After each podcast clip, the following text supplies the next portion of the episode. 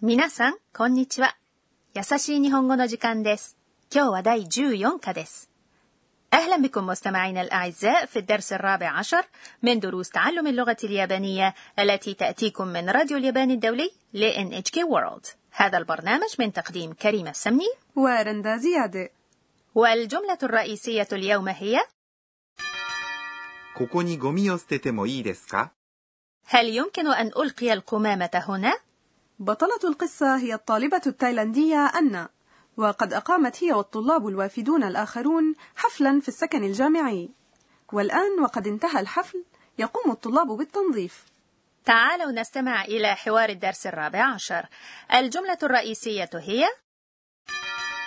ここにゴミを捨ててもいいですか هل يمكن أن ألقي القمامة هنا؟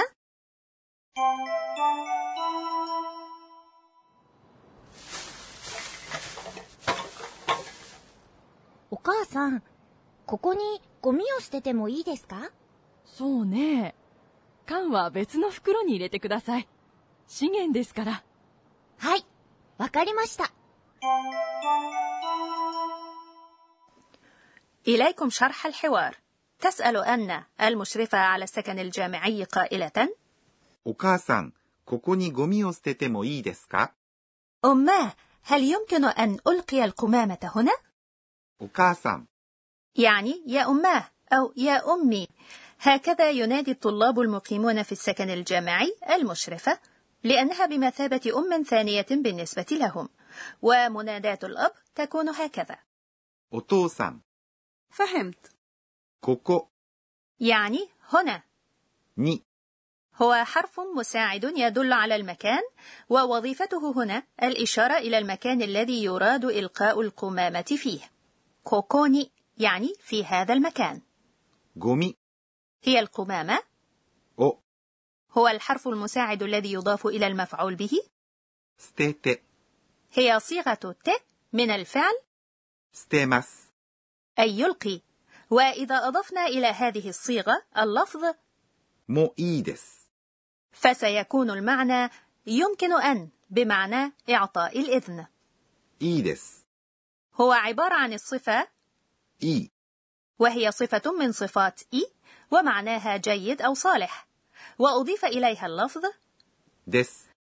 الذي يختم الجملة المثبتة في الكلام المهذب 捨ててもいいです。 معناها يمكن أو يصح أن يلقي أو تلقي شيئا وفي الحوار أضيف في آخر الجملة الحرف المساعد ك لأنها سؤال ورفعت نبرة الصوت في نهايتها ここにゴミを捨ててもいいですか وهي الجملة الرئيسية لهذا الدرس そうね حسنا そうね هي كلمة تقال عندما يكون المتكلم لا يزال يفكر في الإجابة وغالبا ما تستخدمها النساء 缶は別の袋に入れてください。 علب الصفيح ضعيها في كيس آخر من فضلك 缶、 هي علب المشروبات أو الأطعمة المصنوعة من الصفيح أو الألومنيوم أو ما إلى ذلك. は、 هو الحرف المساعد الذي يضاف إلى الموضوع الرئيسي للجملة، 別 يعني شيء آخر أو منفصل. の هو الحرف المساعد الذي يربط بين اسمين، 袋、 هو الكيس، 別の袋、 يعني كيس آخر. ني يعادل هنا حرف الجر في، 入れて、 هي صيغة ت من الفعل 入れます。 أي يدخل أو يضع بداخل كذا وعندما نضيف ください。 إلى صيغة ت من الفعل يتحول إلى طلب 入れてください。 يعني أدخل أو ضع من فضلك وتواصل مشرفة السكن الجامعي كلامها قائلة 資源ですから。 لأنها مورد 資源、 هو المورد ويطلق عادة على الموارد الطبيعية والمعدنية والبحرية وغيرها من الموارد والجملة المثبتة في الكلام المهذب تختم باللفظ دس وإذا أضيف إليه から、 تصبح جملة توضح السبب إذ يؤدي كرا وظيفة اللفظ لأن المخلفات التي يمكن إعادة تدويرها مثل المجلات وعلب الصفيح والقوارير البلاستيكية نعتبرها شيغان أي موردة نعم وإلى جانب شينغن هناك فئات أخرى من المخلفات مثل 燃えるゴミ、 أي القمامة القابلة للحرق و 燃えないゴミ、 أي القمامة غير القابلة للحرق ويجب على كل مواطن إلقاء القمامة في المكان المحدد وفقا لهذه التصنيفات فكل بلدية تحدد في أي من أيام الأسبوع تجمع أي فئة من القمامة وذلك من أماكن محددة ولا يسمح بإخراج القمامة في مكان إلقائها في غير تلك الأيام يبدو أن الكثيرين من الأجانب المقيمين في اليابان يجدون صعوبة في الالتزام بالطريقة المعقدة لإلقاء القمامة نواصل الحوار أن تجيب はい、わかりました。 حاضر فهمت はい、 معناه نعم كما يستخدم بمعنى حاضر わかりました。 هو الماضي من الفعل わかります。 ومعناه يفهم والآن تعالوا نستمع إلى حوار الدرس الرابع عشر مرة أخرى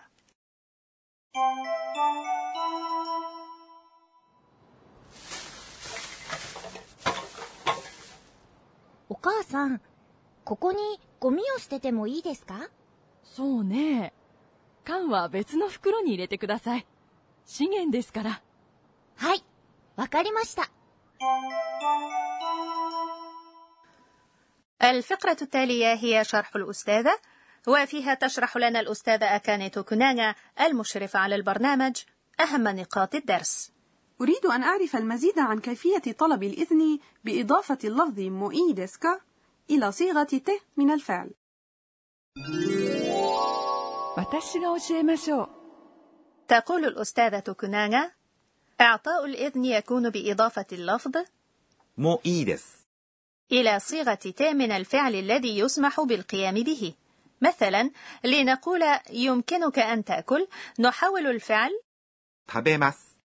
أي يأكل إلى صيغة ت وهي 食べて。 ونضيف إليها もういいです。 ونقول 食べてもいいです。 وعند طلب الإذن نضيف إلى هذه الجملة في آخرها الحرف المساعد ك ونرفع نبرة الصوت في آخر الجملة مثلا هناك حلوى أمامنا ونريد أن نستأذن بتناولها فنضيف إلى تابتمو إيدس الحرف ك ونقول 食べてもいいですか هل يمكنني أن آكل؟ وللرد على هذا السؤال بالإيجاب نقول ببساطة どうぞ。 أي تفضل كنا مع فقرة شرح الأستاذة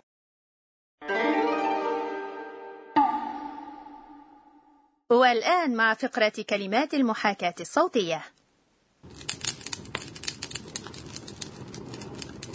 يبدو كصوت احتراق الحطب وصوت احتراق شيء مثل الورق والشجر يعبر عنه لغويا هكذا パチパチ。 باتش باتش وصوت التصفيق أيضا يعبر عنه بالكلمة باتش باتش أليس كذلك؟ بلى هذا صحيح وهناك كلمة أخرى تعبر عن صوت اللهب وهي メラメラ。 ميرا ميرا نعم هذا هو صوت النار المشتعلة كما يعبر بهذه الكلمة عن الغيرة الشديدة أو الحماس الشديد لمواجهة التحديات メラメラ。 ميرا ميرا من شدة الغيرة يا لها من فكرة مخيفة